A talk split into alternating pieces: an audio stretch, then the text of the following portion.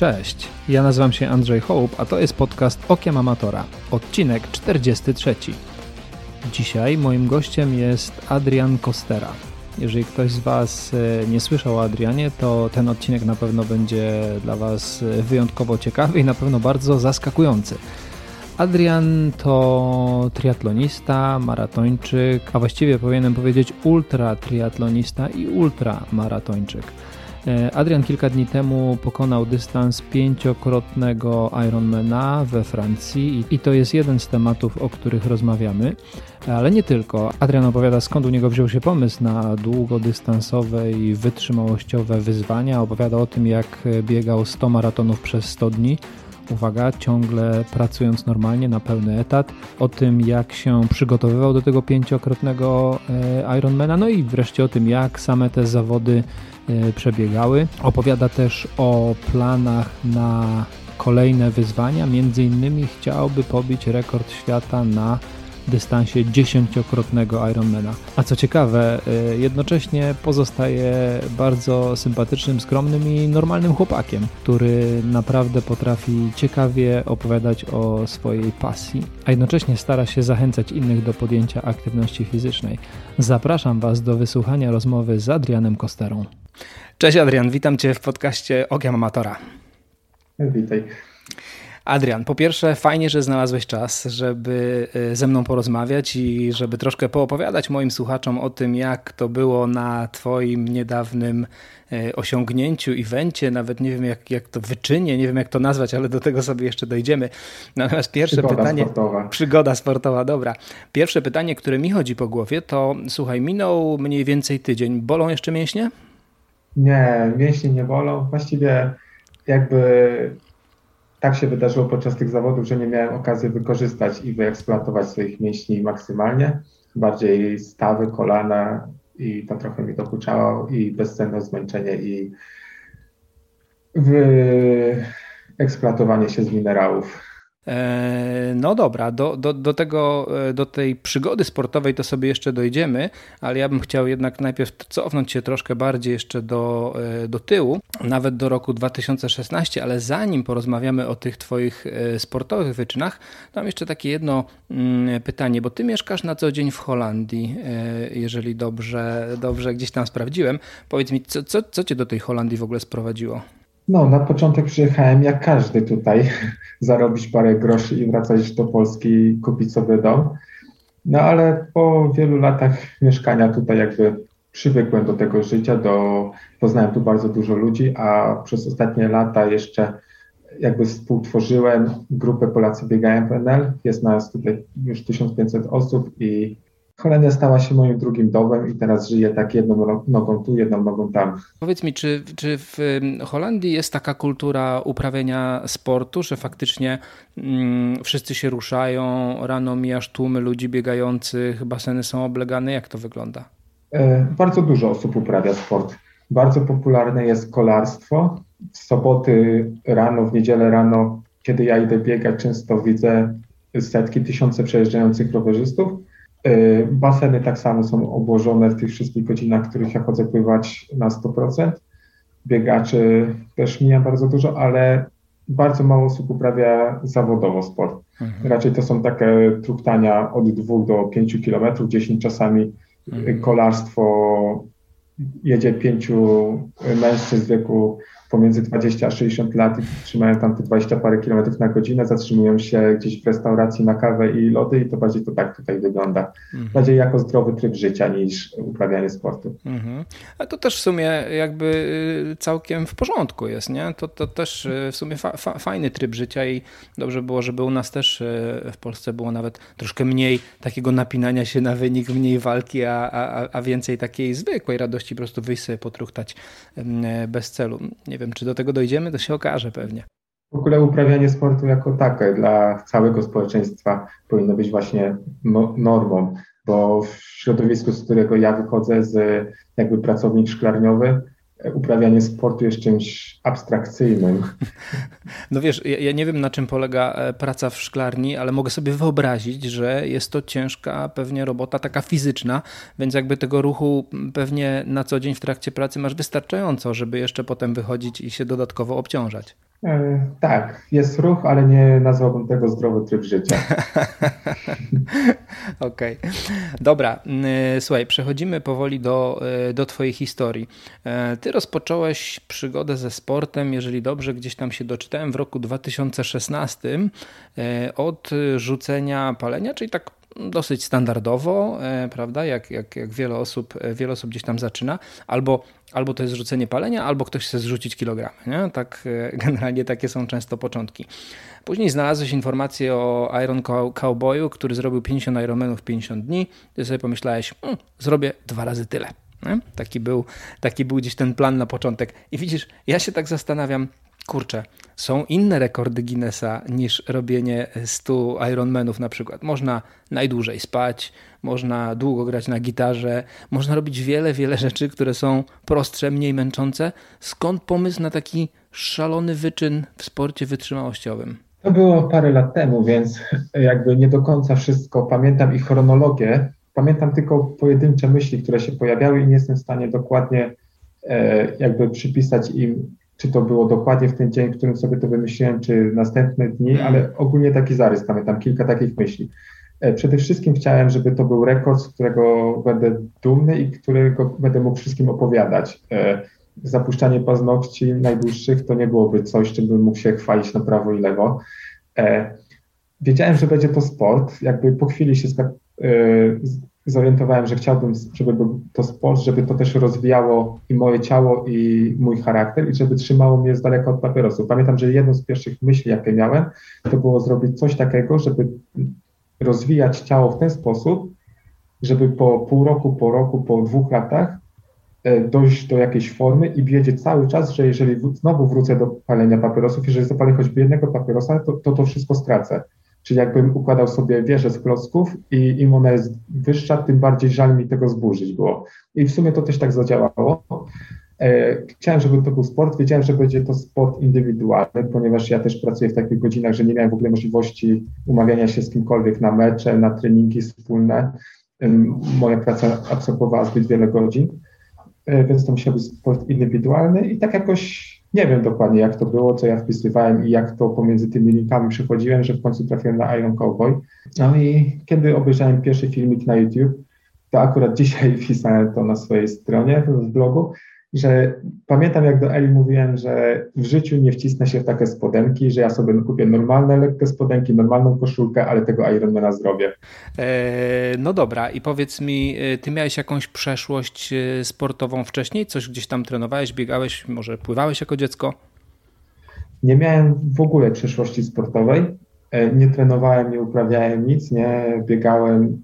Grałem w piłkę tak jak każdy na boisku za naszych czasów, tak, to były czasy, gdzie dzieci grały w piłkę wszyscy praktycznie. E, ale było parę takich czynników, kiedy teraz jakby patrzę na wstecz, teraz trenuję bardzo dużo osób i spotykam bardzo dużo osób związanych ze sportem i widzę, że miałem już wtedy na samym starcie spory potencjał. Po pierwsze, gdziekolwiek nie zaczynałem pracować, czy to w jakichś fabrykach, na szklarniach, to pracowałem najszybciej i jakby przez cały dzień na pełnych obrotach nigdy nie byłem zmęczony. To już był taki e, prognostyk. E, poza tym bywało tak, że gdzieś musiałem dotrzeć, nie miałem PKS, nie miałem na pociąg czy coś i dla mnie było normalne, że 10-20 kilometrów na pieszo, lekko podtraktując, e, pokonywałem i to było zawsze. Nie uprawiałem sportu, po prostu próbując się dostać z punktu A do punktu B. No i raz miałem takie zdarzenie, że w Holandii po przyjeździe do Holandii, pierwszy raz w 2008 roku przyjechałem do Holandii i pracowałem przez jakąś firmę, która jakby wykorzystała mnie, y, ściągnęła mnie tutaj. Po trzech dniach nie miałem pracy, się okazało, że nie mam pracy. Rzuciłem akurat z, na podstawie obietnic, które dostałem od nich, pracę w Polsce. Zostawiłem tam żonę z rachunkami i potrzebowałem wysłać żonie pieniądze na rachunki. I postanowiłem udać się osobiście do szefa tej firmy, do głównego dyrektora tej firmy i to było 35 kilometrów. I po prostu ja sobie tam podbiegłem. Pamiętam jeszcze w takich y, zwyczajnych butach o płaskiej podeszwie. Ledwo tam dotarłem i na szczęście odwieźli mnie z powrotem, nie musiałem iść w drugą stronę. No i to była taka, takie prognostyki, że ja miałem tą siłę, ja miałem sprawność fizyczną już na samym starcie. Dramatyczna historia. E, teraz mam nadzieję, że jesteś już daleko, daleko e, za takimi, e, za takimi sytuacjami. I Prawdę wraca... mówiąc, znowu jestem bezrobotny akurat. Ale wydaje mi się, wydaje mi się, że to jednak z twojej, twoja decyzja tym razem, co? Tak, tym razem tak. No właśnie. Bardzo dobrze. Co było najtrudniejsze, kiedy robiłeś pierwszego Ironmana w przygotowaniach? Bo Myślę, że tam jeżeli chodzi o to bieganie, no to pewnie już gdzieś tam coś e, miałeś. Sam powiedziałeś, że miałeś te predyspozycje i często robiłeś to nawet nieświadomie długie wybiegania, w cudzysłowie. E, co, co, co było dla ciebie najtrudniejsze na początku do opanowania? Duży problem miałem z pływaniem. Ja jakby dzieckiem to przebywałem czasami gdzieś w jakichś jeziorach, w basenach. Potrafiłem utrzymać się na wodzie na tyle, żeby się nie utopić. Nigdy w życiu nie, nie spotkałem się z sytuacją, że byłem w wodzie, gdzie nie mam gruntu. Zawsze byłem w takiej wodzie, gdzie mogłem stanąć i kiedy pierwszy raz poszedłem tutaj w Holandii na basen, e, to do dzisiaj ten ratownik się e, śmieje z tej, z tej historii. Było tak, że na jednym z kraju basenu i się okazało, że tam jest dwa metry głęboko. Ale sobie myślę, no dobra, obejdę sobie basen, z drugiej strony pewnie będziemy 10, obeszłem basen się okazało, że też jest 2 metry głęboko. I, no i wróciłem do ratownika i powiedziałem mu coś w stylu, e, no ja właśnie chciałem się przygotowywać do triatlonu Ironman, jestem pierwszy raz na basenie, ja tu skoczę, prawdopodobnie nic mi się nie stanie, ale jakby mógł pan patrzeć, czy ja się przypadkiem nie utopię. I bum do wody. Więc to były moje przygody z basenem. No i po tylu latach palenia płuca były bardzo cienkie, bardzo słabe. Miałem też taką jakby psychiczną blokadę, żeby zanurzyć głowę. Nie potrafiłem zanurzyć głowę, a nawet jak zanurzyłem, to nie potrafiłem bałem się otworzyć ust, wy, wydychnąć powietrza mm. pod tą wodą i to bardzo długo e, mi towarzyszyło i myślę, że przez pierwsze 3-4 miesiące trenowania e, byłem pewny, że tego Ironmana zrobię żabką z głową u góry i po prostu dopiero zaczynałem, no dzisiaj pływanie z najsłabszą stroną.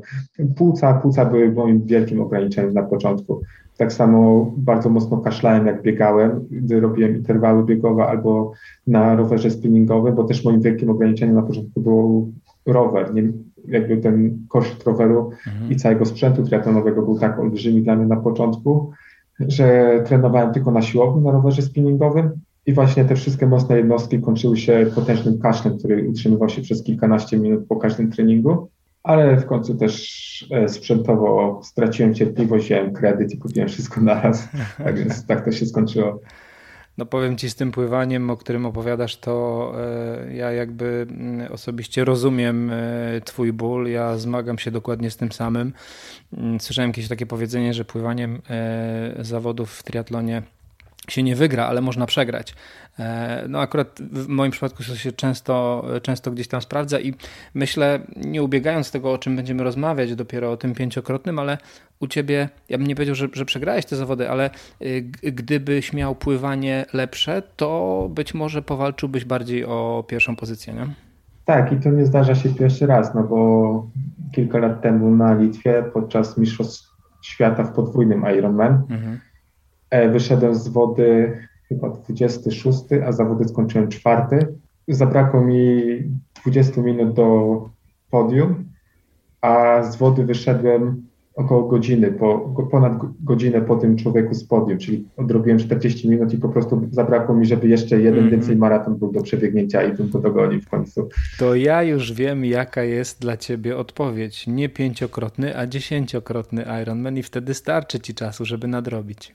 A ja to wiem. Ja, ja to wiem, że e, nawet tak ze swoim supportem, ze swoimi przyjaciółmi rozmawiałem niejednokrotnie, że gdzieś pomiędzy pięcio a dziesięciokrotnym Ironman leży punkt, w którym zacznę wszystkich wyprzedzać. E, dobra, idziemy, idziemy dalej, bo troszkę przeskoczyłem teraz e, niechcący do, do tego pięciokrotnego. E, ten plan 100 e, Ironmanów e, w 100 dni, on jeszcze cały czas czeka na realizację, jeżeli dobrze kojarzę. Masz już jakąś koncepcję, kiedy to się wydarzy? Na razie jakby na samym początku postawiłem sobie całą drogę, którą muszę przejść, żeby to zrobić. Ja myślę, że fizycznie już jestem gotowy, już byłem gotowy fizycznie wtedy, kiedy po pracy przez 100 dni przebiegłem 100 maratonów. Mhm. Mm, wiesz, dla mnie to był identyczny wysiłek jak 100 Ironmanów może nie fizycznie, nie kalorycznie, ale właśnie mięśniowo i mentalnie, ale żeby to wszystko jakby zagrało, to potrzeba wiele więcej rzeczy niż tylko wytrenowanie fizyczne. To Ironman 100 dni to jest dla mnie konieczność niepracowania i nie zarabiania przez 100 dni, czyli potrzeba olbrzymiego zaplecza finansowego, bo raty, wszystko trzeba, e, rachunki za dom płacić przez te 100 dni, mimo że się nie zarabia ani grosza. E, dlatego jakby mam całą drogę, którą chcę przejść, chcę się jeszcze lepiej przygotować fizycznie, chcę się przygotować fizycznie na tyle, żeby być pewny, że to ukończę, gdyż to też jest jakby jedna szansa w życiu. Jeżeli ja to podejmę próbę i mi się nie uda po 70 dniach, to jakby nikt więcej mi nie zaufa i nie zdobędę po raz kolejny funduszy, żeby rozpocząć to drugi raz. Mhm. Więc muszę być 100% pewny, że ja to zrobię i jednocześnie, e, żeby to też się opłacało i zwracało jakby finansowo, żebym mógł się utrzymać przez te 100 dni, to potrzebuję odpowiednich sponsorów i odpowiedniego zainteresowania grupy ludzi, którzy będą to obserwować. Więc jakby teraz skupiam się na tym wszystkim, żeby wytrenować, robiąc te kolejne wyzwania, żeby szukać sponsorów i żeby zbierać grono odbiorców. I kiedy to wszystko razem się połączy, to będę w stanie podejść do 100 Ironmanów. Sponsorzy, mam nadzieję, że słyszycie nas teraz i ktoś się do Adriana zwróci. A tak e, poza tym, to myślę, że po, po, po tym pięciokrotnym E, Ironmanie teraz, e, faktycznie widzisz większe zainteresowanie swoją osobą i pojawiają się jakieś ciekawe oferty mm, sponsorskie?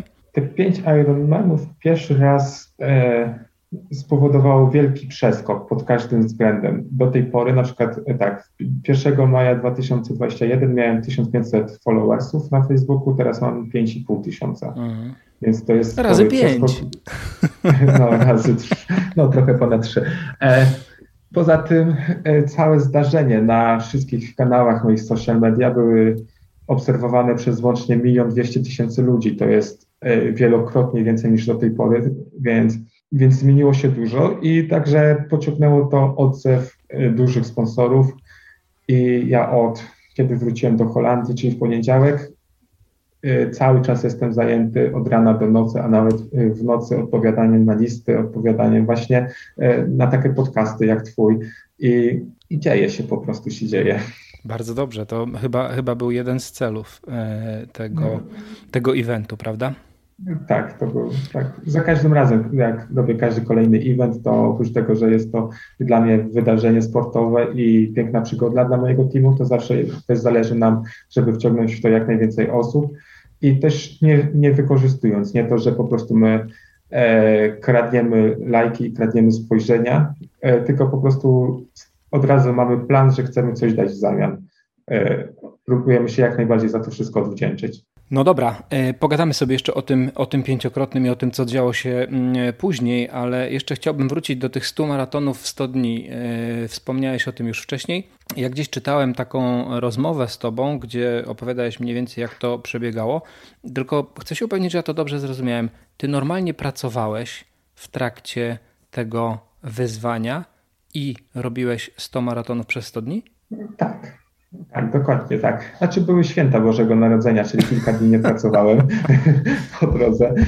E, ale tak, to tak. No, znaczy pracowałem od, od 8 do 17 wtedy, bo to jest jesień, jest spokojny sezon w pracy. Spokojny sezon pracy to znaczy, że pracujemy jak normalni ludzie, a nie dużo więcej. No tak, pracowałem od 7 do 17, o 17.15 pojawiałem się w domu. Y, najpierw chciałem spędzić trochę czasu z żoną, no bo 100 dni niewidzenia się to by było zbyt y, obciążające psychicznie i dla mnie, i dla niej. Więc najpierw spokojnie piliśmy kawę, jedliśmy obiad. Y, kiedy to wszystko było skończone, ubierałem buty i biegłem na maraton. Akurat biegłem po pętlach. Każda pętla była jedna czwarta maratonu i za każdym razem po każdej pętli wpadałem do domu na te parę sekund, chociaż buziaka dać albo powiedzieć, jak tam jest wszystko ok i cześć, lecę dalej. Wracałem, jak już e, Ela spała i kładłem się spać i budziłem się rano. No, miałem też taki patent na to, żeby spędzać trochę jednak więcej czasu w weekendu, bo bez tego też by było nam bardzo ciężko przeżyć to wszystko. I robiłem tak, że w piątek biegłem maraton po pracy, kończyłem go na chwilę przed północą Przychodziłem do domu, czekałem parę minut, aż e, wskazówka przeskoczyła na ponad północ i biegłem od razu następny maraton. Ten maraton kończyłem w sobotę nad ranem o 4.00 i w niedzielę następny maraton zaczynałem jak najpóźniej się dało, gdzieś o 19, czyli praktycznie od soboty 4.00 do niedzieli 19 miałem cały weekend z żoną. Nie, no to jest w ogóle, mi się to nie mieści w głowie, co ty opowiadasz teraz. E, a, a w te dni pracujące, mm, e, o której godzinie zaczynałeś biegać mniej więcej? Tak mówiłeś po, po obiedzie? O 18.30. 18.30. Mhm. No życie się toczyło, więc tak czasami o 19, o 19.30, bo to zakupy trzeba było robić, albo iść gdzieś na pocztę, czy... Czyli po prostu żyłeś e, praktycznie tak samo jak na co dzień, tylko jeszcze do tego wplatałeś sobie w to codziennie maraton przez 100 dni. Tak. Prawie jak, ży, żyłem prawie jak na co dzień, bo jednak po tych studniach bardzo brakowało mi wielu rzeczy. Na przykład nie oglądałem telewizji przez 100 dni, czy nie, nie siedziałem nigdy na kanapie, nie robiąc nic przez wiele godzin, nie czytałem książek, e, nie spotykałem się ze znajomymi, nie byłem w restauracji, nie byłem w kinie. Takie rzeczy wszystkie dodatkowe, jak Jasne. zrezygnowałem na koszt biegania. Wiesz, jak, jak zacząłeś wymieniać tak od początku, to nie siedziałem na kanapie, nie oglądałem telewizji, e, to ja sobie tak myślałem, to w sumie to nic złego, bo to mało produktywne zajęcia. Te, które zacząłeś wymieniać później już e, zrujnowały moją teorię, więc nie trzymamy się tego. Często panuje takie przekonanie, że Osoby, które biegają dystansy długie i bardzo długie i ultra, są raczej wolne, i stąd próbują się wydłużać. Natomiast ja wiem, że w Twoim przypadku to chyba nie do końca tak było. Powiedz mi, jaki był Twój najszybszy i najwolniejszy z tych 100 e, maratonów? Nie pamiętam, jaki był najwolniejszy. Było to gdzieś pomiędzy pewnie dniem 9 a 18, jak miałem kontuzję i przeplatałem bieg z szybką marszem. Podejrzewam, że było to być może coś koło 6 godzin. Czekaj, czekaj, czekaj. Co z tą kontuzją? Co to za historia? No, tak jakby piszcze mi spuch i bolała mnie noga i e, ja biegam w ogóle spięty, bardzo dobrze mi się biega spięty, czy albo z całą stopą lądując. No jak to się stało, to mogłem biegać tylko i wyłącznie z palców, a jak biegałem tylko i wyłącznie z palców, to Achilles spadał mhm. i tak po prostu przez dwa tygodnie się męczyłem, jakby próbując zmieniać technikę i, e, i oszczędzając miejsca, które bolą, aż w końcu przeszło wszystko i pobiegłem resztę. Teraz wszyscy... kontuzję w czasie biegania. Fizjoterapeuci łapią polecam, się za głowę. Nie polecam, nie, nie polecam. Nie. To, to, to się robi tylko w ekstremalnych przypadkach. Wiadomo, że jakby to nie było wyzwanie i nie byłoby sponsorów, publiczności i tak dalej, to gdyby mnie zabolało, to po prostu bym przestał i poszedł do fizjoterapeuty, ale e, jest wyzwanie i tak daleko, jak jestem w stanie się poruszać i kończyć w jakichś e, normalnych, rozsądnych godzinach e, ten maraton, to się poruszam i kombinuję, jak z dnia na dzień mhm. E, pokonać następny. Mhm. Dobra, po powiedz najszybszy. Najszybszy to był 2,50 9 chyba. Mhm. No 59 sekundami. No, no to umówmy się, 2,59 to jest już całkiem e, przyzwoicie, jeżeli chodzi o e, biegającego amatora.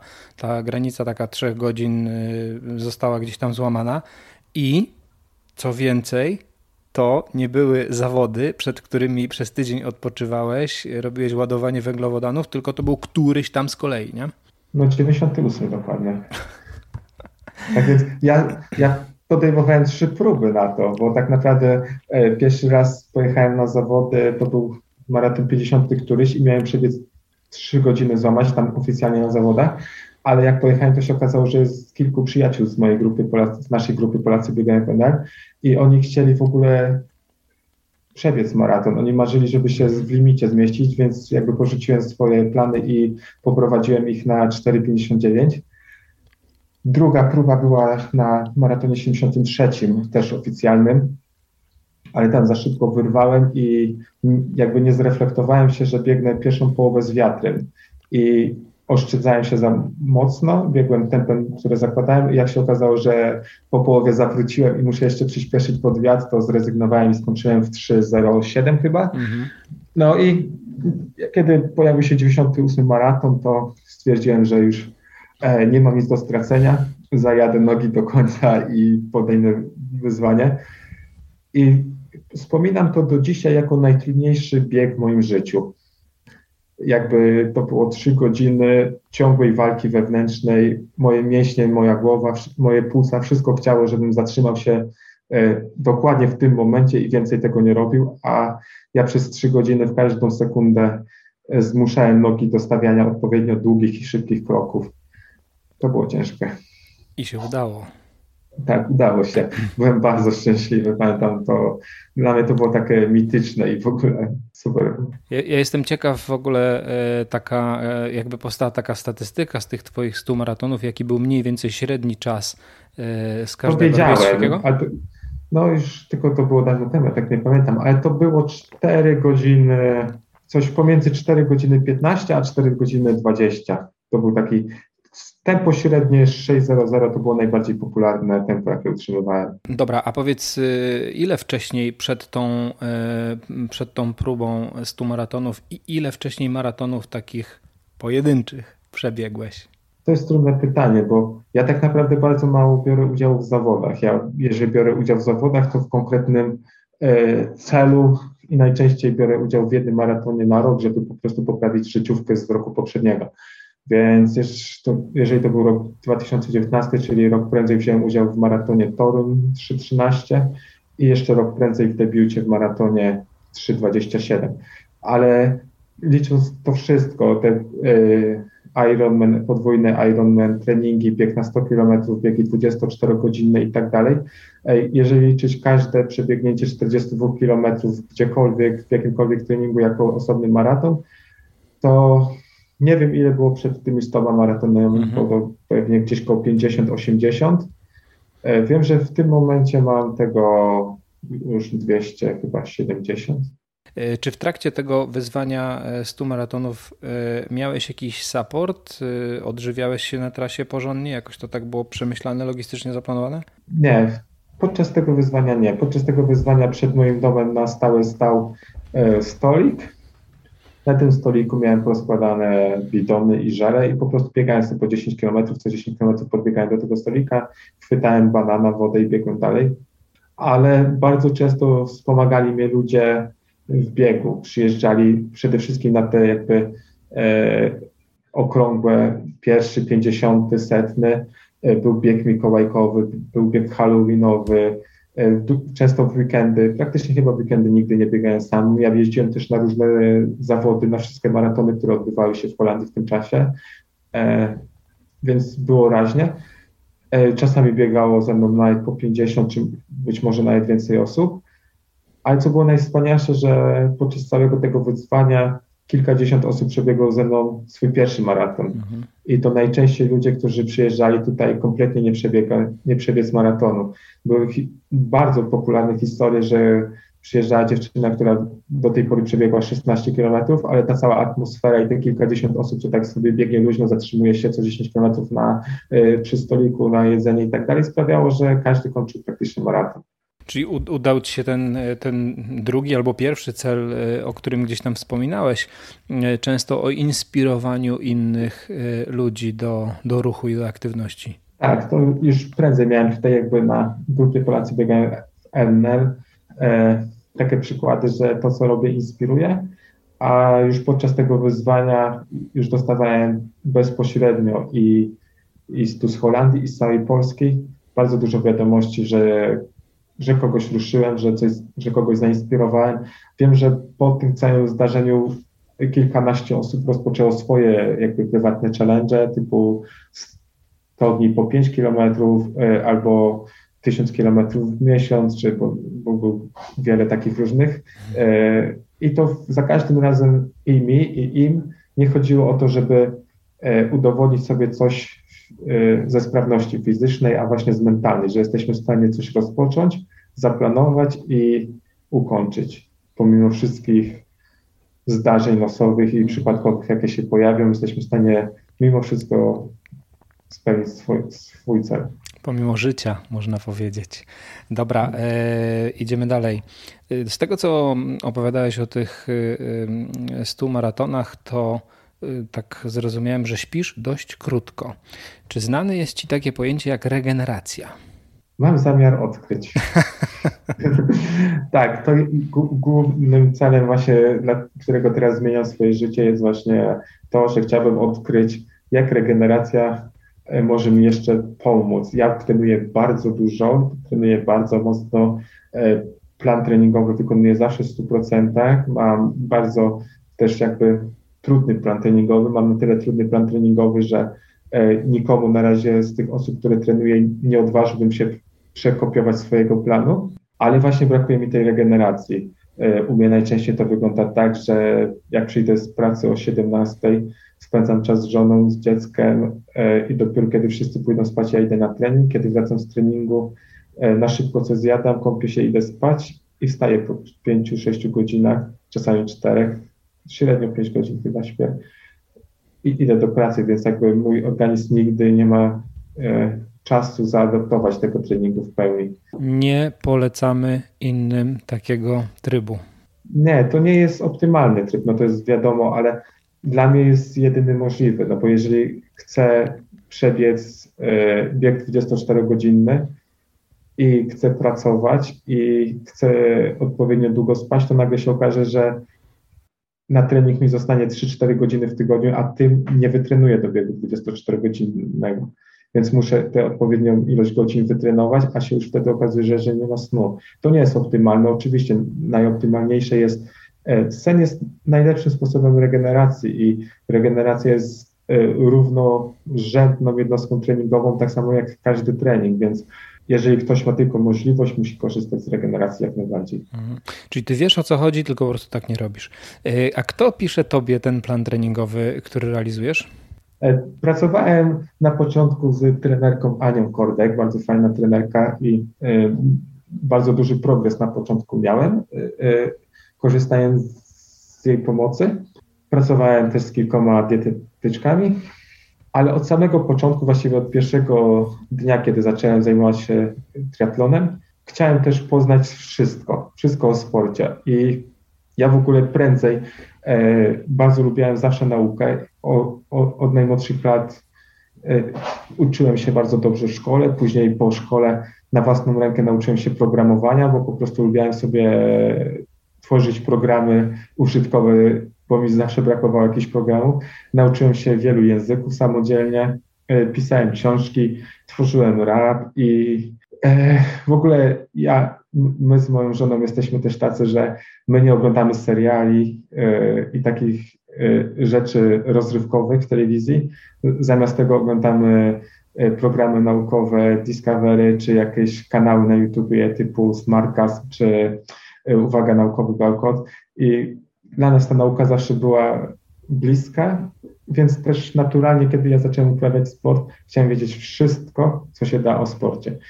E, zacząłem kupować masowo książki i po kolei z mojej półki znikały książki o Java i o programowaniu i zastępowały je książki o anatomii człowieka, o dietetyce, o triatlonie, o kolarstwie, o pływaniu, o, o, o wszystkim w ogóle, wszystkim, o siłowni, o jodze. O, po prostu wszystko, co mi wpadło w ręce, ja mógłbym kupić wszystkie książki. Po prostu książek jest tyle, że chyba nigdy nie zdążę ich wszystkich przeczytać. Y, no i rozumiem, że w związku z tym y, zdobyłeś y, tę wystarczającą wiedzę, jeśli można tak powiedzieć, że, że, że kiedyś taki moment następuje, ale na, na, na, tyle wystarczającą, żeby być w stanie sobie ten program treningowy sam albo pisać, albo modyfikować to, co od trenerki dostawałeś. Tak, na początku chciałem zaryzykować i, i, i przestałem pracować z trenerką, e, chociaż nie wiedziałem, czy to jest najlepszy pomysł, no bo e, to, to, że człowiek ma wiedzę i potrafi ją jakby e, zaplanować sobie te treningi odpowiednio, to jest jedno, ale żeby to wszystko zimplementować i, i trenować naprawdę, e, nie mając przed nikim odpowiedzialności i wiedząc, że dzisiaj pójdę na trening jeżeli go nie zrobię albo zrobię niedokładnie tak, to nikt się o tym nie dowie. I nie wiedziałem, czy to mi wypali, ale okazało się, że tak nie było, że jakby te wszystkie cele, które mi przyświecają, były tak silne, że każdy trening wykonywałem solidnie i potrafiłem sam siebie nie oszukiwać, więc to tak pozostało. E, na początku trenowałem siebie e, z bardzo dobrymi rezultatami. W ultra właśnie ja też chciałem zacząć trenować sam siebie i przestać pracować z trenerami, dlatego że większość trenerów, prawie wszyscy, których znam, e, to są bardzo, bardzo dobrzy trenerzy e, do Ironmana, do maratonu, czy ewentualnie do biegu 100 km, ale jakby ultra i to już takie, jak ja robię w tym momencie, wychodzi poza kompetencje wielu z nich i, i ta wiedza początkowa, podręcznikowa, nie ma aż takiego dużego zastosowania. No i zacząłem trenować siebie, zacząłem trenować pilotażowo e, grupę 15 osób. Po roku wszyscy osiągnęli cele i feedback miałem 100% pozytywny. No i dlatego postanowiłem jakby w końcu otworzyć własną działalność i, i zacząć trenować innych ludzi, czym teraz właśnie się zajmuję. Dobrze. E, a jeszcze wracając na chwilę do, do tej regeneracji, e, miewasz kontuzję? Miewam, ale nie, nie wiem, czy kontuzje, chwilowe bóle. nie wiem, ciężko mi to wyjaśnić. No, nigdy nie miałem takiej kontuzji, że musiałbym przestać trenować i nigdy też nie miałem takiej kontuzji, która wymagała leczenia. Mam tak, że zaboli mnie kostka, na przykład podczas jakiegoś interwału i po prostu kilka dni pojeżdżę na rowerze, popływam i to przechodzi i, i tak dalej. No miałem, borykałem się na początku, w pierwszym roku mojego uprawiania sportu z y, ITBS i to było właśnie też, przy, wtedy trochę zraziłem się do fizjoterapeutów niepotrzebnie, bo jakby trafiłem na złych, bo wydałem mnóstwo pieniędzy, przeszedłem przez cztery osoby, które nie potrafiły zdiagnozować, że ten ból kolana na zewnątrz to jest ITBS i kazali mi różne ćwiczenia robić. Końcu jak zrozumiałem, co mi jest, sam się po prostu wyleczyłem, e, usprawniając core, e, szukając odpowiedniej techniki biegu i tworząc e, fajną symetrię w całym ruchu. I nigdy więcej to się nie powtórzyło, aż właśnie tydzień temu pierwszy raz znowu poczułem i dzisiaj na treningu też jeszcze to czuję. E, ITBS to tak, jeżeli ktoś jeszcze nie, nie skojarzył, mówimy o paśmie biodrowo-piszczelowym, bardzo nieprzyjemna kontuzja często się zdarza pewnie początkującym, a, albo, albo przy jakichś gwałtownych takich zmianach e, w objętości treningowej. Nie? Tak, Natomiast tak. ja się tutaj nie będę wymądrzał, bo fizjoterapeutą nie jestem, ale ITBS też przeżyłem. E, nic fajnego. Mi akurat osobiście rolowanie bardzo, bardzo pomogło. Nie? Też pomaga. Nie? Tylko doraźnie. Jest, no, mhm. doraźnie. Idziemy do pięciokrotnego Ironmana, e, czyli Bretzel Ultra Triathlon. Powiedz mi, jak się przygotowywałeś do tych zawodów? Po pierwsze, jak długo? No i też co robiłeś, żeby się przygotować? Do tych zawodów przygotowałem się trzy razy praktycznie, bo te zawody były trzy razy przenoszone. Ostatni raz, czyli ten teraz, który wystartowałem w tych zawodach, to można powiedzieć, że się nie przygotowywałem, no bo e, w grudniu urodził się mój syn kiedy jeszcze był noworodkiem, przez te pierwsze 2-3 miesiące absorbował 100% mojego czasu poza pracą. Naprawdę, więc... one śpią, takie małe dzieci. No, ale budzą się co dwie, dwie godziny, a czasami częściej, więc tak naprawdę nie mógł. Przez pierwszy miesiąc w ogóle nie mogłem wyjść z domu ani trenować, bo jakby cały czas musiałem tutaj być, czuwać i pomagać. No też Ela e, po operacji też wymagała opieki i nie trenowałem w ogóle. Później wróciłem na takie małe treningi, gdzieś tam na pół godziny się wyrwałem, jak już wiedziałem, że zasnął, a e, jestem w stanie się wyrwać na chwilę. Później dopiero gdzieś od marca, myślę, e, jakby utworzyła się struktura, w której już wiadomo było, że on od tej do tej śpi, od tej do tej śpi, od tej nie. E, I zacząłem wychodzić na takie dłuższe treningi, godzinne, dwugodzinne, ale cały problem polegał też na pandemii tutaj w Holandii, i było tak, że od listopada do kwietnia były zamknięte baseny, a ja też nie umiem pływać w wodzie, która jest lodowata, mhm. więc nie pływałem po prostu przez ponad pół roku, nie pływałem w ogóle i wróciłem na basen właściwie miesiąc przed zawodami. Jedyne, co mogłem robić, już po prostu nie mogłem ani techniki, ani siły, e, nic trenować, tylko musiałem kilometry pływać, żeby potrafić przepłynąć 19 kilometrów i nic więcej, żeby po prostu wyjść z wody w końcu. No, mieliśmy godzinę policyjną w Holandii od 21 do rana, czyli... Twoje godziny treningowe. Też, tak, czyli moje godziny treningowe, więc przez wiele miesięcy jeździłem na trenażerze w domu i nic poza tym. No i kiedy nastał początek maja i wiedziałem, że zostało dwa miesiące do zawodów i jednak te zawody się odbędą, jak chcę tam jechać i nie jestem za bardzo przygotowany, więc postanowiłem chwycić się brzytwy i skorzystać z ostatniej deski ratunku. I postanowiłem przygotować ciało do, do wysiłku, który zgotuje mi Quintuple. I podjąłem wyzwanie przebiegnięcia cztery weekendy pod rząd po pracy, cztery biegi 24-godzinne. Każdy weekend maja biegałem 24 godziny po pracy.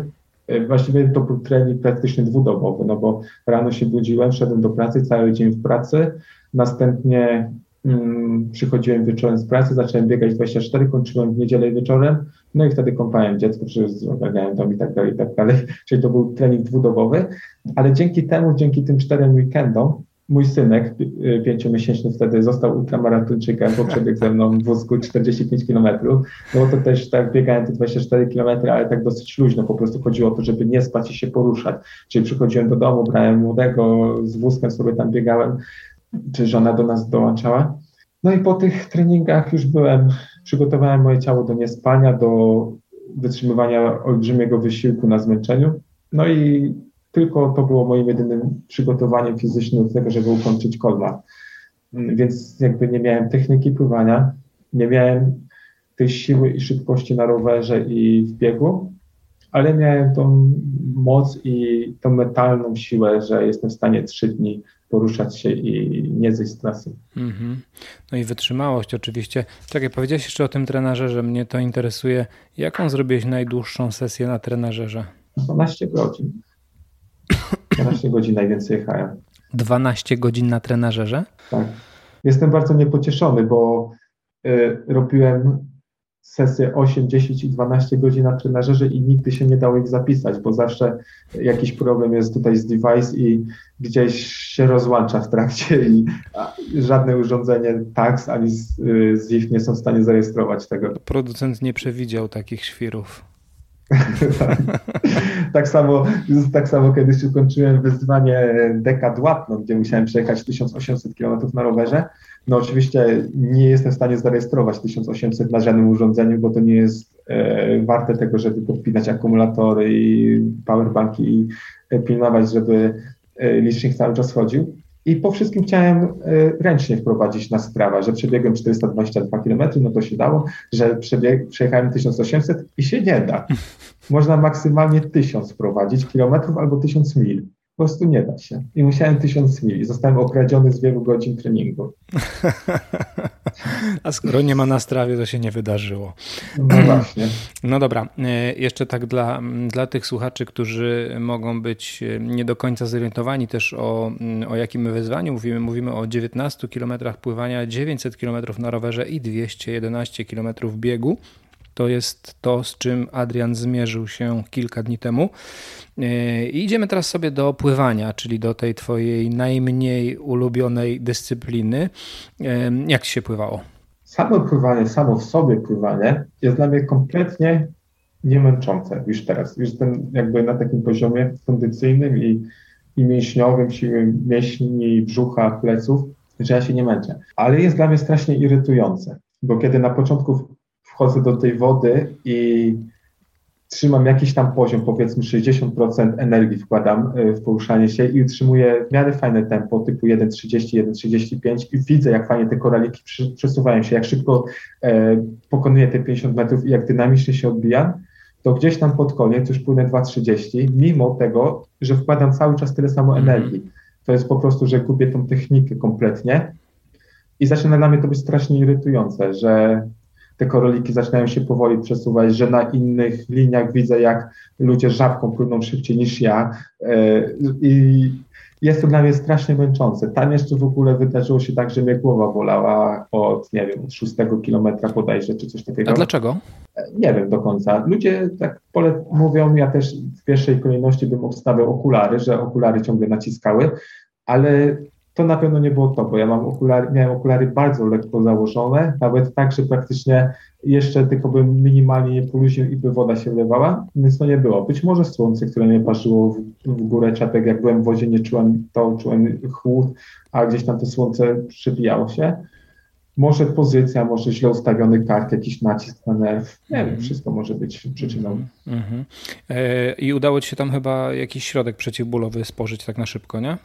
E, tak, wziąłem paracetamol gdzieś, ale w sumie niepotrzebnie, bo on nic nie pomógł.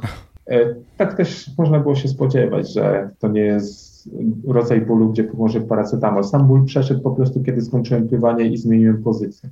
Ja ci powiem, mnie głowa nie boli, ale mam taki sam ból y, y, psychiczny podczas pływania, jak ty powiedziałeś i jeżeli chodzi o sypanie się tej techniki, to u mnie to jest od samego początku, więc jakby zupełnie rozumiem, o czym mówisz. Y, pływaliście w piankach, gorąco było? E, ja jestem ciepłolubny, więc e, dla mnie musiałoby być naprawdę gorąco, żebym pływał bez pianki. Miałem przygotowane i piankę długą i miałem też spodenki neoprenowe, w razie czego przygotowane. Rozpocząłem w piance i jeszcze wydawało mi się, że zrobi mi się za gorąco, to zmienię na spodenki neoprenowe.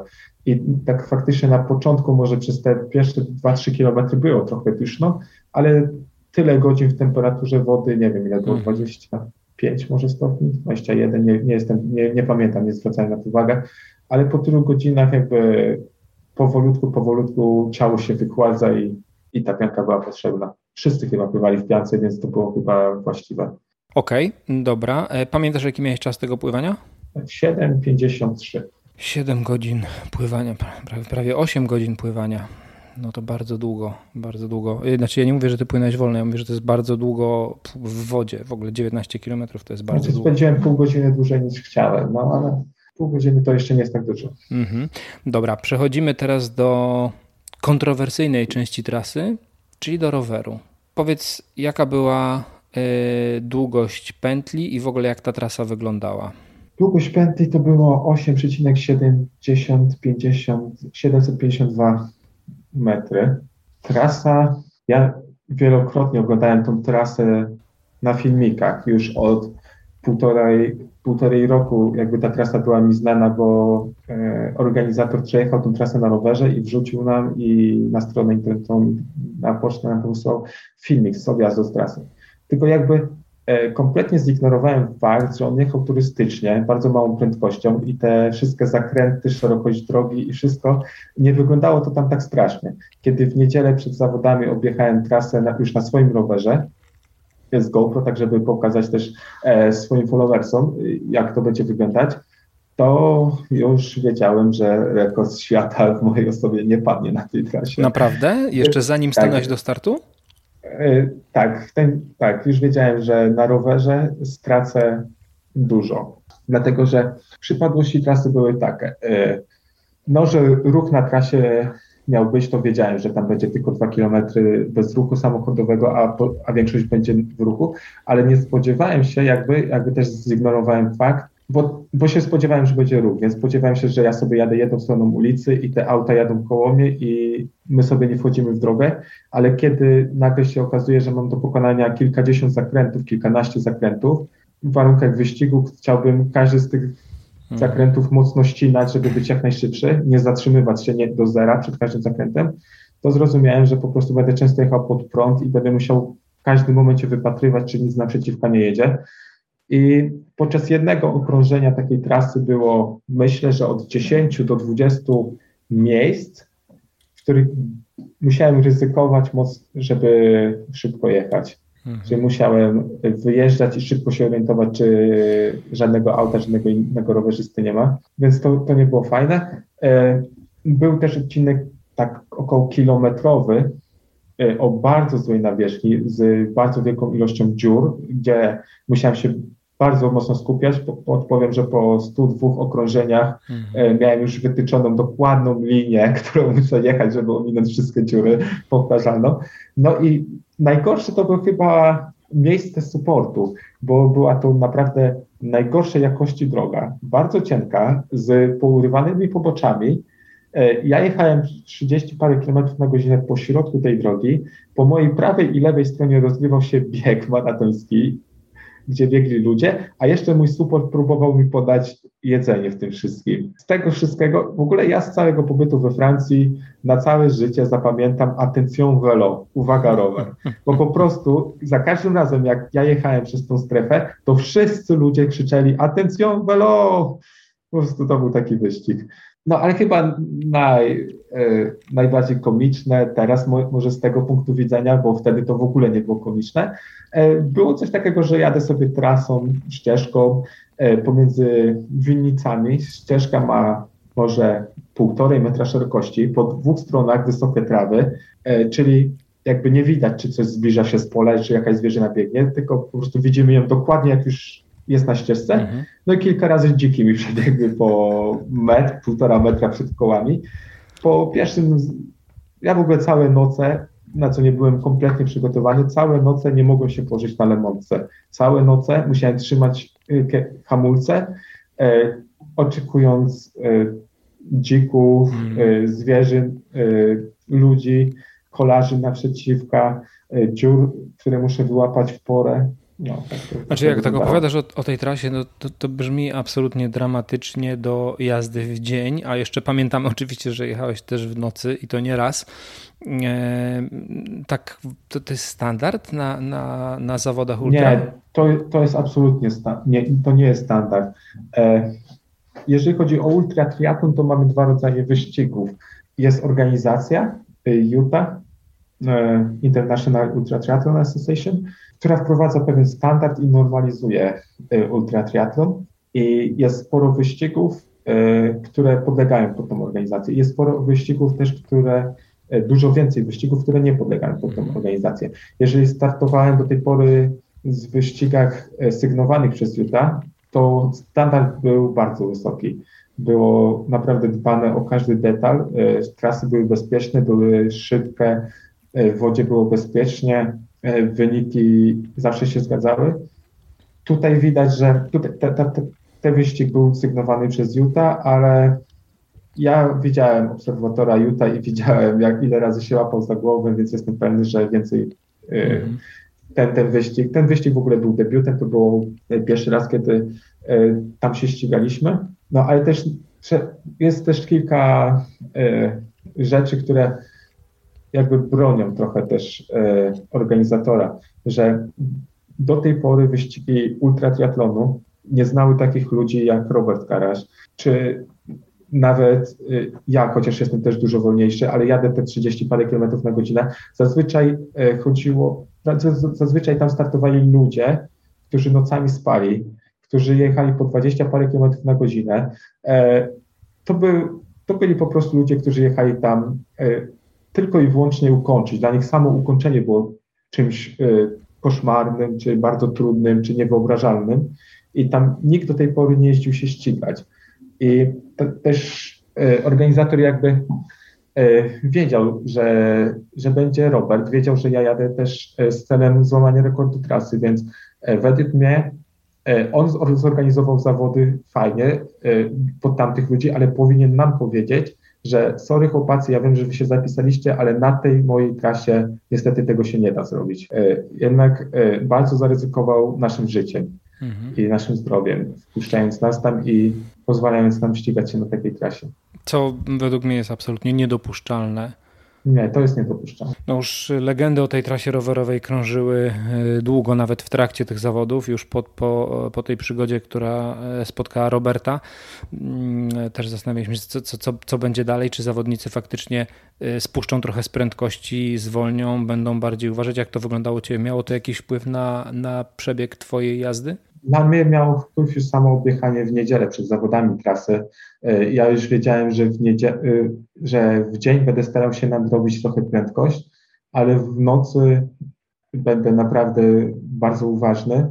Ja nieraz jechałem, ja nie, nie zliczę razy, które kiedy jechałem całe noce na rowerze, kiedy pokonywałem odległości pomiędzy 600 a 2000 kilometrów na rowerze w ciągu. I ja wiem, E, jak jest słaba koncentracja, e, jak późne są reakcje organizmu na wszystko, co nastąpi, jak często też organizm, e, wzrok, wzrok ludzki myli się, zaczynamy zauważać, że ścieżka idzie w prawo i w ostatnim momencie orientujemy się, że jednak idzie w lewo. Więc ja to wszystko wiedziałem i wiedziałem, że na tak wąskiej, niebezpiecznej, pełnej zwierząt trasie nie można położyć się na lemonce i widzieć 5 metrów przed kołem, że to jest trasa, na której trzeba być ostrożny i czujny. E, w dzień, w dzień ryzykowałem dużo, w dzień próbowałem to wszystko nadrabiać i jechałem bardzo dynamicznie, bardzo agresywnie, no ale też ta zmienna dynamika i zbyt, zbyt duże różnice mocy, prędkości też spowodowały, że się zbyt mocno wykończyłem na tym rowerze przed biegiem. Bieganie. Jak wyglądało bieganie? Czy to była część tej pętli rowerowej, po której biegaliście? Tak. O, bieganie było na pętli około 1,3 km. Około połowa tej pętli była tą samą pętlą, co pętla rowerowa. No i same bieganie też była ciężka trasa, bo e, tylko przez chwilę był ładny asfalt. biegliśmy przez las, gdzie droga wyglądała jakby e, miny wybuchły po prostu w asfalcie. Było, już jakby nie było asfaltu, to by było dużo lepiej. Po prostu tam był powyrywany asfalt, wystające kamienie. Każdy, chyba każdy jeden uczestnik borykał się z odciskami, e, gdzie ja się w ogóle nigdy prędzej nie spotykałem z odciskami, a biegłem tam z odciskami właśnie przez te wszystkie wystające ostre kamienie. Sam bieg dla mnie podczas tego wyzwania raczej słabo wypadł. E, ja po zejściu z roweru, ja na rowerze już miałem dwie kolizje rowerowe, niegroźne na szczęście ogólnie dla mnie, ale stuknąłem się z jakimś przypadkowym kolarzem, który tam sobie na trasie jechał, kiedy ja chciałem ściąć zakręt kolanami, mhm. więc uderzyliśmy po prostu w pełnej jeździe kolanami od siebie i się wychwyciłem tam. Innym razem samochód chciałem wyprzedzić i ten samochód akurat ruszył, kiedy ja go chciałem wyprzedzać i też coś tam uderzyłem kolanem. I kiedy, i nie czułem tego nawet na rowerze, ale kiedy zszedłem z roweru i zacząłem biec, już po pierwszym okrążeniu czułem spory ból w kolanach, a w jednym kolanie jakby nie byłem w stanie bez zaciskania zębów zginać nogą i to zdominowało cały bieg. I jeżeli dobrze zrozumiałem to, co mówiłeś wcześniej, tam cały czas jeszcze trwał, trwał wyścig kolarski. Kolarski, tak, jeszcze cały czas wyścig kolarski trwał. No, nie wiem, i to też jest standard na, na, na takich zawodach ultra, że się biega wśród tych nie, rowerów? Nie, nie. Zazwyczaj e, punkt e, styczny rowerów i biegu wypada tylko w miejscu na dosłownie na 50 metrach czy 100 metrach, tam gdzie są namioty. Mhm. Dlatego, żeby support z namiotu mógł obsługiwać i kolarzy, i później po zejściu z roweru biegaczy. Tak. I najczęściej to są jakoś fajne rozwiązania. Na przykład na Litwie, gdzie brałem udział w Double Ultra Triathlon, to była szeroka, e, ponad dwupasmowa jezdnia, e, przedzielona pachołkami, gdzie po jednej stronie były rowery, po drugiej stronie byli biegacze i wszystko było e, fajnie. Jadę do Szwajcarii niedługo, gdzie też jest fajnie to wszystko rozwiązane, że stoją namioty i po jakby jednej stronie namiotu są rowery, a po drugiej stronie są, jest bieg, więc to też jest fajnie rozwiązane. E, tutaj e, kompletny brak wyobraźni organizatora, który to wymyślił. Dobra, a powiedz mi, jaki był najtrudniejszy moment dla Ciebie w trakcie tych zawodów? Pływanie. Najtrudniejsze to było pływanie, w moment, w którym bardzo mi się dłużyło i ja miałem w ogóle, ja mam też do dzisiaj jakąś psychiczną blokadę przed pływaniem. Ja tego nie potrafię wytłumaczyć, jak to się dzieje. Chodziłem na lekcje pływania jakiś czas. E, miałem około 20 lekcji i moja trenerka pływania też e, nie potrafiła mi z tym za bardzo pomóc. Że ja płynę i w pewnym momencie, kiedy ja się skupię na tym, jak oddycham, to nie jestem w stanie oddychać i połykam wodę. I podczas takiego pływania 19 km przez większość czasu próbuję nie myśleć o tym, jak oddycham i co robię. Próbuję być nieobecny, ale gdy zaczynam e, jakby zauważać to wszystko, to to jest mi bardzo ciężko. Muszę się bardzo mocno psychicznie starać, żeby wy, wydychnąć wodę, powietrze pod wodą i odpowiednio wdechnąć nad wodą. I dla, dla mnie zaczyna to być straszną męką. I tutaj podczas tego pływania było to dla mnie bardzo trudne, więc najszczęśliwszym momentem podczas tych całych zawodów był moment, w którym wyszedłem z basenu, bo wiedziałem, że już w tym momencie ukończyłem zawody, że już na pewno e, dotrwam do mety. Mhm.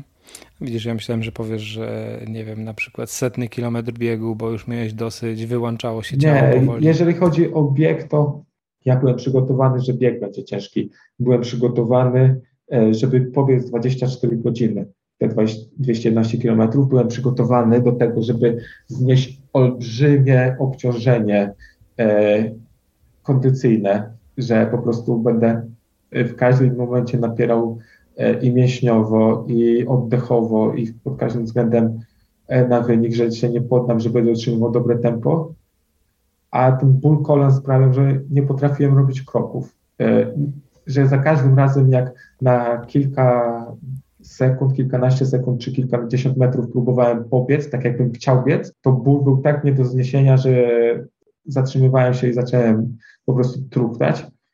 No i w ten sposób jakby nie byłem w stanie też się zmęczyć, więc e, dla, obciążeniem psychicznym znowu na, natomiast było to, że jak normalnie sobie liczę na co dzień, że każdy maraton to jest 4 godziny, 12 e, minut, że 10 km to jest godzina, mhm. to tutaj nie byłem niczego pewny, że 10 km to może być i z półtorej godziny mhm. i może być i dwie godziny, że może to się burzyć w nieskończoność, więc tylko po prostu poruszałem się do przodu, bo wiedziałem, że z każdą sekundą jestem bliżej celu mhm. i chciałem mieć jak najszybciej to za sobą. Mhm.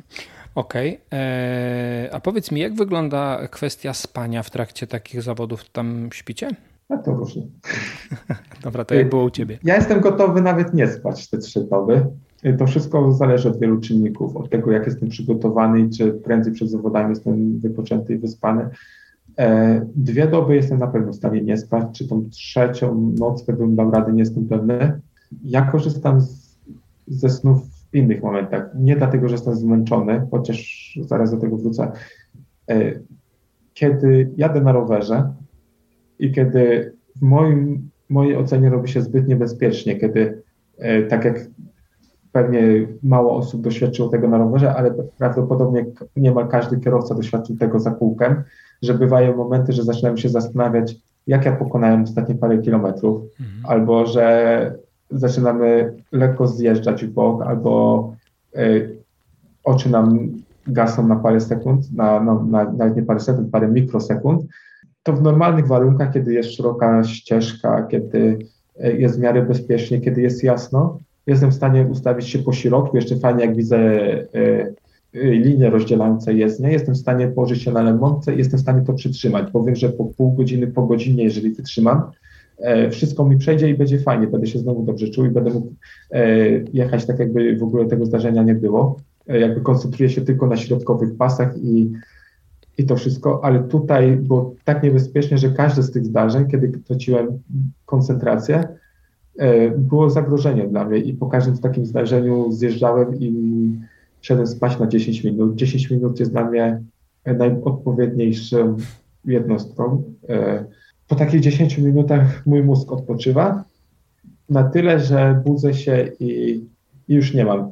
Jestem znowu e, jakby pobudzony, rzeźki i niesenny ale ja nie mogę, nie mogę uwierzyć w to, że po 10 minutach e, ty nie masz ochoty, kurczę, jeszcze 10 albo jeszcze 20 i naprawdę. Ale to w domu tak mam. W domu, jak mam się do, pobudzić do pracy, to jestem w stanie przerzucić alarm kilkanaście razy.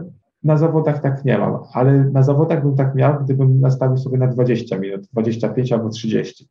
E, wtedy już bym wpadł w tak głęboki sen i by mi się tak dobrze zrobiło i też zimno by mi się zrobiło, że pobudka by była ciężka. Bym musiał powrócić jakby z tego, z tamtego świata snu z powrotem e, w tą inną realność.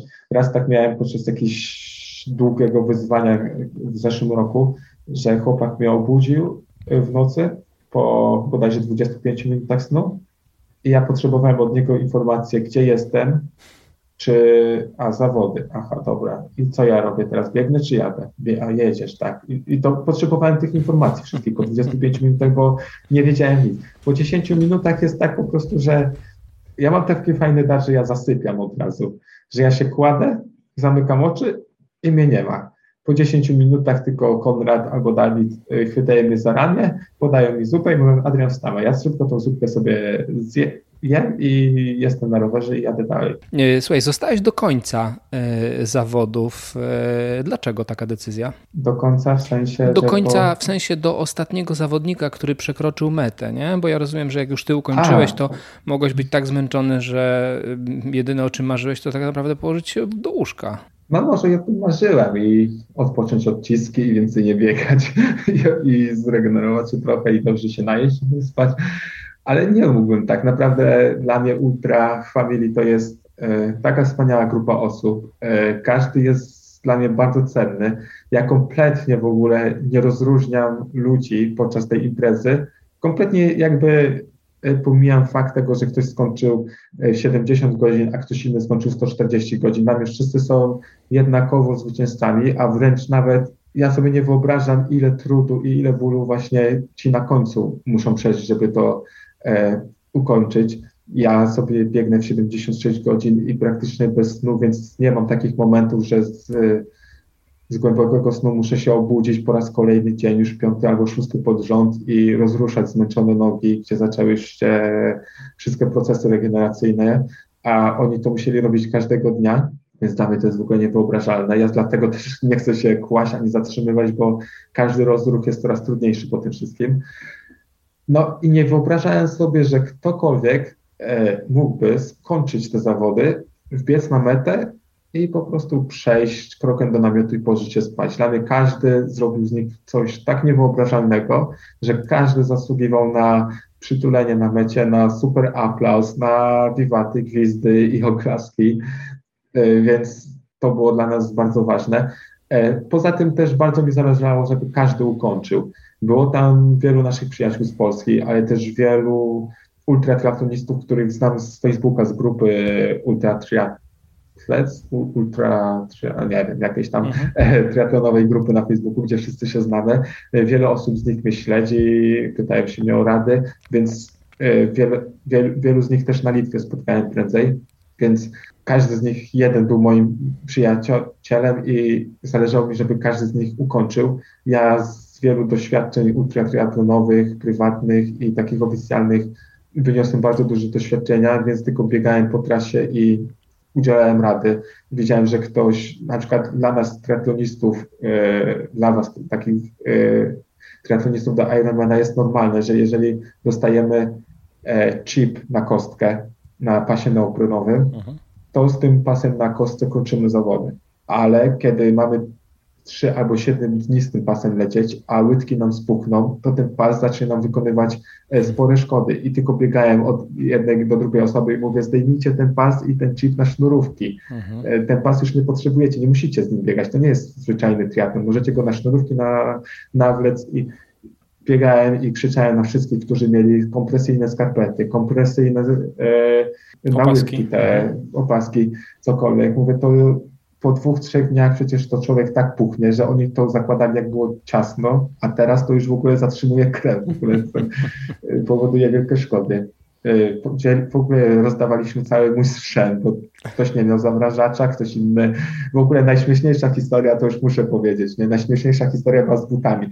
Ja mam rozmiar 46 buta, na, co dzień 45, ale jak jadę na takie zawody, to mam 45 i 46. Chodziłem sobie w swoich butach 46 i spotykam pierwszego właśnie chłopaka z Polski, który mówi, że on już nie jest w stanie biec, bo mu tak nogi spuchły i go tak wszystko boli. A mówię, a jaki masz numer buta? 44. Mówię, o, to się świetnie składa. Dostaniesz ode mnie te moje 46 i pobiegniesz. Dostał 46 i już szczęśliwie zadowolony. O, o, super, tak dam radę jeszcze biegać i ukończyć zawody. No to dostał te moje 46, ja wziąłem jego 44 i, i sobie chodziłem tak jeden dzień w tych 44, aż na drugiej nocy spotykam innego chłopaka, yy, który mówi, o, ja już nie dam rady biec, bo mi tak nogi spukły. A ja mówię, jaki masz numer? 42. Mówię, cholera. Dostał ode mnie te 44 tamtego pierwszego ziomka, a ja dostałem 42, ale już musiałem je tylko pod pakę wziąć i całą jeszcze dobę ogóle na bosów poprzechodziłem tam na tej strefie, bo nie miałem butów dla siebie. No, więc, yy, więc po to tam byłem, żeby pomagać, żeby każdy z nich ukończył. W nocy biegałem, yy, motywowałem i sprawiałem, żeby najciekawsze już chyba było ostatniego dnia przed samym zakończeniem imprezy, kiedy Nadine biegała i wiedzieliśmy, że skończy w środku nocy i razem z Dawidem, e, supporterem moim, nastawiliśmy sobie budzik co pół godziny, co pół godziny sprawdziliśmy, ile okrążeń ma do końca i tak całą noc przetrwaliśmy, a w naszym domku wszyscy już mieli nas dosyć, bo i budziliśmy wszystkich co pół godziny tymi budzikami. No i byliśmy do samego końca, bo mhm. sprawiliśmy, że każdy jeden dotarł. A y, Richard też został y, w sensie do końca, to znaczy dopingował też tych pozostałych zawodników, też tam się kręcił? E, tak. E, Richard akurat e, mieszkał tam, bo tam na strefie supportu e, można było kamper, kamperem zajechać i tam mieszkać, więc on jakby mieszkał też na linii startu i widać, że też śledził wyniki i za każdym razem, jak ktoś miał finiszować, to wychodził z tego kampera i e, każdego witał. No i to jest właśnie Richard też, którego ja znam. Ja, Richard był od, e, od wielu lat jakby moim sportowym idolem, e, chociaż ciężko jakiekolwiek informacje o nim znaleźć, ale zawsze go podziwiałem na podstawie tych artykułów, które o nim przeczytałem, tych filmików na YouTubie, gdzie widziałem, jak pokonywał różne zawody. Rok temu zmierzył się z takim innym ultraklatonistą, który jest e, jakby bardziej porównywalny do naszego Roberta Karasia, e, takim typowo profesjonalnym, takim e, gdzie miał, tamten, tamten miał przyszykowany sztab masażystów, fizjoterapeutów, dietetyków, najlepszy rower i wszystko naj, naj, naj. Richard miał żonę i kanapki i zupy i to wszystko. No i ścigali się na pięciokrotnym Ironmanie i tamten według zaleceń swoich właśnie naukowców brał odpowiednio, w odpowiednich momentach masaże, e, korzystał z takich większych jednostek snu i biegał sprintami pomiędzy tym wszystkim. E, Richard według swojej tam metody sobie trochę wolniej, ale uparcie do przodu. No i Richard wygrał z nim o pół godziny, więc to było dla mnie też takie piękne, że ktoś taki, w ogóle ja z Richardem tam na trasie rozmawiałem i jesteśmy trochę tutaj zbyt dużo dodaję sobie, może e, pod wieloma względami bardzo podobni. Właśnie tak, że wychodziliśmy razem, to nas łączy, że my naturalnie chcieliśmy każdego przywitać, ale mamy wiele takich e, cech. Taką jedną z naj, największą jest razem z Richardem doszliśmy do takiego wniosku, że łączy nas to, że gdyby, że my nie musimy też tak trenować, że mamy jakby naturalnie w sobie E, coś takiego, że jesteśmy w stanie pokonywać takie dystanse. I gdyby przestał teraz trenować i Richard gdyby przestał trenować i za rok ktoś by nas w środku nocy obudził i powiedział Adrian, pobiegniesz 24 godziny i bym stał i pobiegł te 24 godziny i to was, nas właśnie też łączy. Tak mamy to w sobie po prostu. A myślisz, że e, masz szansę e, wyprzedzić Richarda na zawodach jakichś? Tak, myślę, że mam. Też E, rozmawiałem tutaj z Richardem i wiem, że e, Richard, on nie trenuje, żeby e, stawać się coraz lepszy. On po prostu każde te jedne zawody trenuje jako jednakowe przygodę i te jego rekordy wyszły same z siebie. A ja znowu trenuję, żeby stawać się coraz lepszy i od początku mocno progresuję każdego roku i wiem, że za rok będę dużo lepszy niż jestem teraz. Tak jakby samo z siebie spowoduje, że wyprzedzę go. Bardzo fajny cel. Mm, dobra, powoli będziemy e, zmierzali do końca. E, powiedziałeś, że już e, nie pracujesz, że jesteś bezrobotny. Czy to znaczy, że jesteś zawodnikiem pro? Nie wiem dokładnie, jaka jest definicja słowa zawodnik pro tak naprawdę. Wydaje mi się, że z tego, co kiedyś się orientowałem, że to trzeba być chyba wyznaczony przez jakiś związek czy określony. W każdym bądź razie nie jestem już też takim do końca amatorem. Jedyne, co się jakby zmieni, że będę trenował tak jak dalej. Do tej pory trenowałem. E, tylko zmieni się to, że pieniądze, które mm, i czas, czas, będę miał więcej czasu wolnego i pieniądze, które będę pozyskiwał na sport, nie będą pochodziły e, z mojej pracy na szklarni, tylko z układania diet, treningów i od sponsorów. Dobra, powiedz, jakie są e, plany na ten rok i na kolejne lata? Skoro teraz e, masz więcej czasu, to może jakiś Badwater, może jakiś bieg cztery pustynie, tak jak e, jeden z też moich poprzednich rozmówców ukończył? Tak, to wszystko jest dla mnie interesujące i wszystko się na pewno spełni. E, ogólnie ilość rzeczy, które bym chciał zrobić, e, już e, wystarczy, ma, no, potrzebuję bardzo długo żyć, żeby w ogóle je wszystko zrealizować. Jest ograniczona ilość rzeczy, które tak naprawdę jesteśmy w stanie w ultra zrobić w ciągu roku, bo jest niewyobrażalne, żeby ktoś w jednym tygodniu zrobił Badwater, a za tydzień pojawił się na Spartathlon, a tydzień później brał udział w 10-krotnym Ironman. E, więc jest ograniczona ta ilość rzeczy, które można zrobić na 100% i które można zrobić dodatkowo jako rozrywka. Na pewno w tym roku będzie bieg 48 godzin Pabianice, e, Ultra Park Festival. E, tam jadę z pewną nadzieją, żeby przebiec 400 km, chociaż e, moje szanse oceniam sam teraz w tym momencie na 55-60%. Nie, nie, nie wiem, czy zdążę w tak krótkim czasie powrócić do formy. Zobaczymy. Później będzie na pewno jeszcze maraton Toruń. W ogóle w tym roku będzie dużo Polski. Mhm. E, będzie Toruń maraton i gdzie w sumie nie jadę z jakimś konkretnym planem, bardziej pobiec z ludźmi. Jak zanim robiłem 100 e, maratonów 100 dni, to każdy maraton dla mnie był po to, żeby e, ustanowić życiówkę. A kiedy robiłem 100 maratonów 100 dni, zobaczyłem, że tam z tyłu jest całkiem fajnie. Tam sobie ludzie gadają, tam ludzie umierają, motywują się, padają, powstają i tam też jest fajnie i, i w Toruniu chciałbym przeżyć taki właśnie maraton z tymi ludźmi tam z tyłu, sobie pobiec, motywować ich, podopingować. E, w tym roku prawdopodobnie jeszcze będzie bieg 48 godzin znowu, tylko że na bieżni mechanicznej u Pawła Szuka. E, zawsze chciałem to zrobić, zawsze mnie zastanawiało, jak ja sobie poradzę w takich warunkach. No i jeszcze tutaj w Holandii to będzie jakoś, e, jak już odpocznę, myślę, że przełom roku 2021-2022. E, jest taki, taka ścieżka tutaj turystyczna, Peter Pan to się nazywa, to ma 498 km dokładnie, 2 km będzie czas na końcu dobiec, bo, bo sobie nie wyobrażam nie dobiec 500. No i ta ścieżka cieszy się jakby popularnością wśród holenderskich ultrabiegaczy, takich e, najlepszych. E, no i co jakiś czas wyłania się tutaj taki holenderski biegacz, który e, podejmuje próbę przebiegnięcia tego, ustanowienia najlepszego wyniku na tej trasie.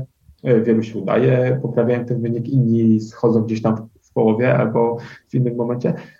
I chciałbym podjąć się tego wyzwania i ustanowić najlepszy wynik tutaj na tej trasie, co też pomoże mi jakby na holenderskim rynku i z holenderskimi sponsorami mm -hmm. i z, mhm. holenderskim, z holenderską publicznością, bo to jest e, dosyć mocno obserwowany przez Holendrów. No i w przyszłym roku jeszcze nie wiem, jakie mam plany aż do końca sierpnia. E, na pewno jakiś prywatny challenge.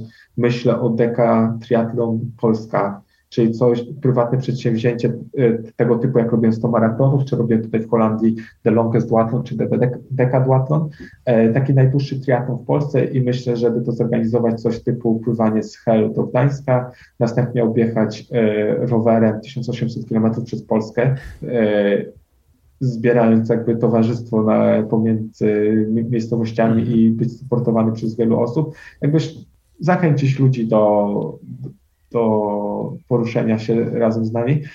No i na końcu przebiec 422 km, zahaczając największe miasta Polski, zrobić to tak e, z fajnym supportem, ponownie taką super fajną przygodę e, zrobić i, i spróbować wciągnąć w tą przygodę jak najwięcej ludzi, bo już wiem, to by było już takie czwarte moje wyzwanie i wiem, ile radości i ile emocji daje to setkom, tysięcom ludzi, którzy zaczynają się w to angażować. E, ja tu robiłem takie rzeczy w Holandii i bywało tak, że ja w nocy biegłem i z drugiego, z drugiego końca Holandii, czy tam z, z miejscowości oddalonych stąd o 100 ponad kilometrów, ludzie o 22 kładli dzieci spać, przyjeżdżali tutaj przebiec ze mną maraton, rano wracali, yy, zanim dzieci się obudzili i szli rano do pracy i to po prostu tak wciąga, yy, więc na pewno będzie jakieś fajne wyzwanie wielkie ogólnopolskie, ale już tak dużo zrobiłem tego w Holandii, że chciałbym teraz w Polsce e, raz.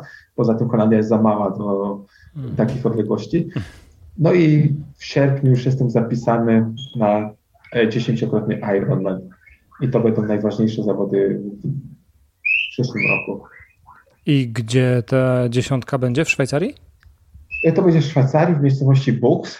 To jest w ogóle bardzo piękne miejsce. To jest w dolinie rzeki Ren. E, jak będę jechał rowerem na płaskiej trasie, pięknej, niedziurawej, szerokiej, z wyłączonym ruchem. Tam zawody są przygotowane perfekcyjnie. Świadczy o tym choćby wpisowe, który jest 3000 euro ponad wynosi. No a po mojej prawej i lewej stronie będą pnęły się Alpy, ośnieżone szczyty, więc to jest piękna sceneria i fajne miejsce, żeby to zrobić. Mhm. I to w ogóle będą Mistrzostwa Świata i na liście startowej, lista startowa już jest prawie pełna. Ja się wczoraj zapisałem, żeby w ogóle zablokować to miejsce, bo tam będzie chyba 50 osób tylko mogło startować. I do listopada muszę zdobyć 3000 euro, żeby to opłacić w ogóle. Okej. Okay. E, I tam e, planujesz zaatakować rekord świata? E, tak, to jest to już nie jest, że będę się starał, tylko to będzie moim konkretnym celem zaatakować, ustanowić tam rekord świata.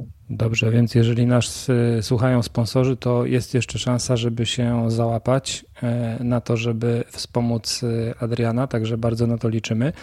No a ja ze swojej strony, Adrian, mogę tylko powiedzieć, y, trzymam kciuki za, e, za ten właśnie start, za Twój rekord świata. To, co zrobiłeś do tej pory, jest no, absolutnie niesamowite.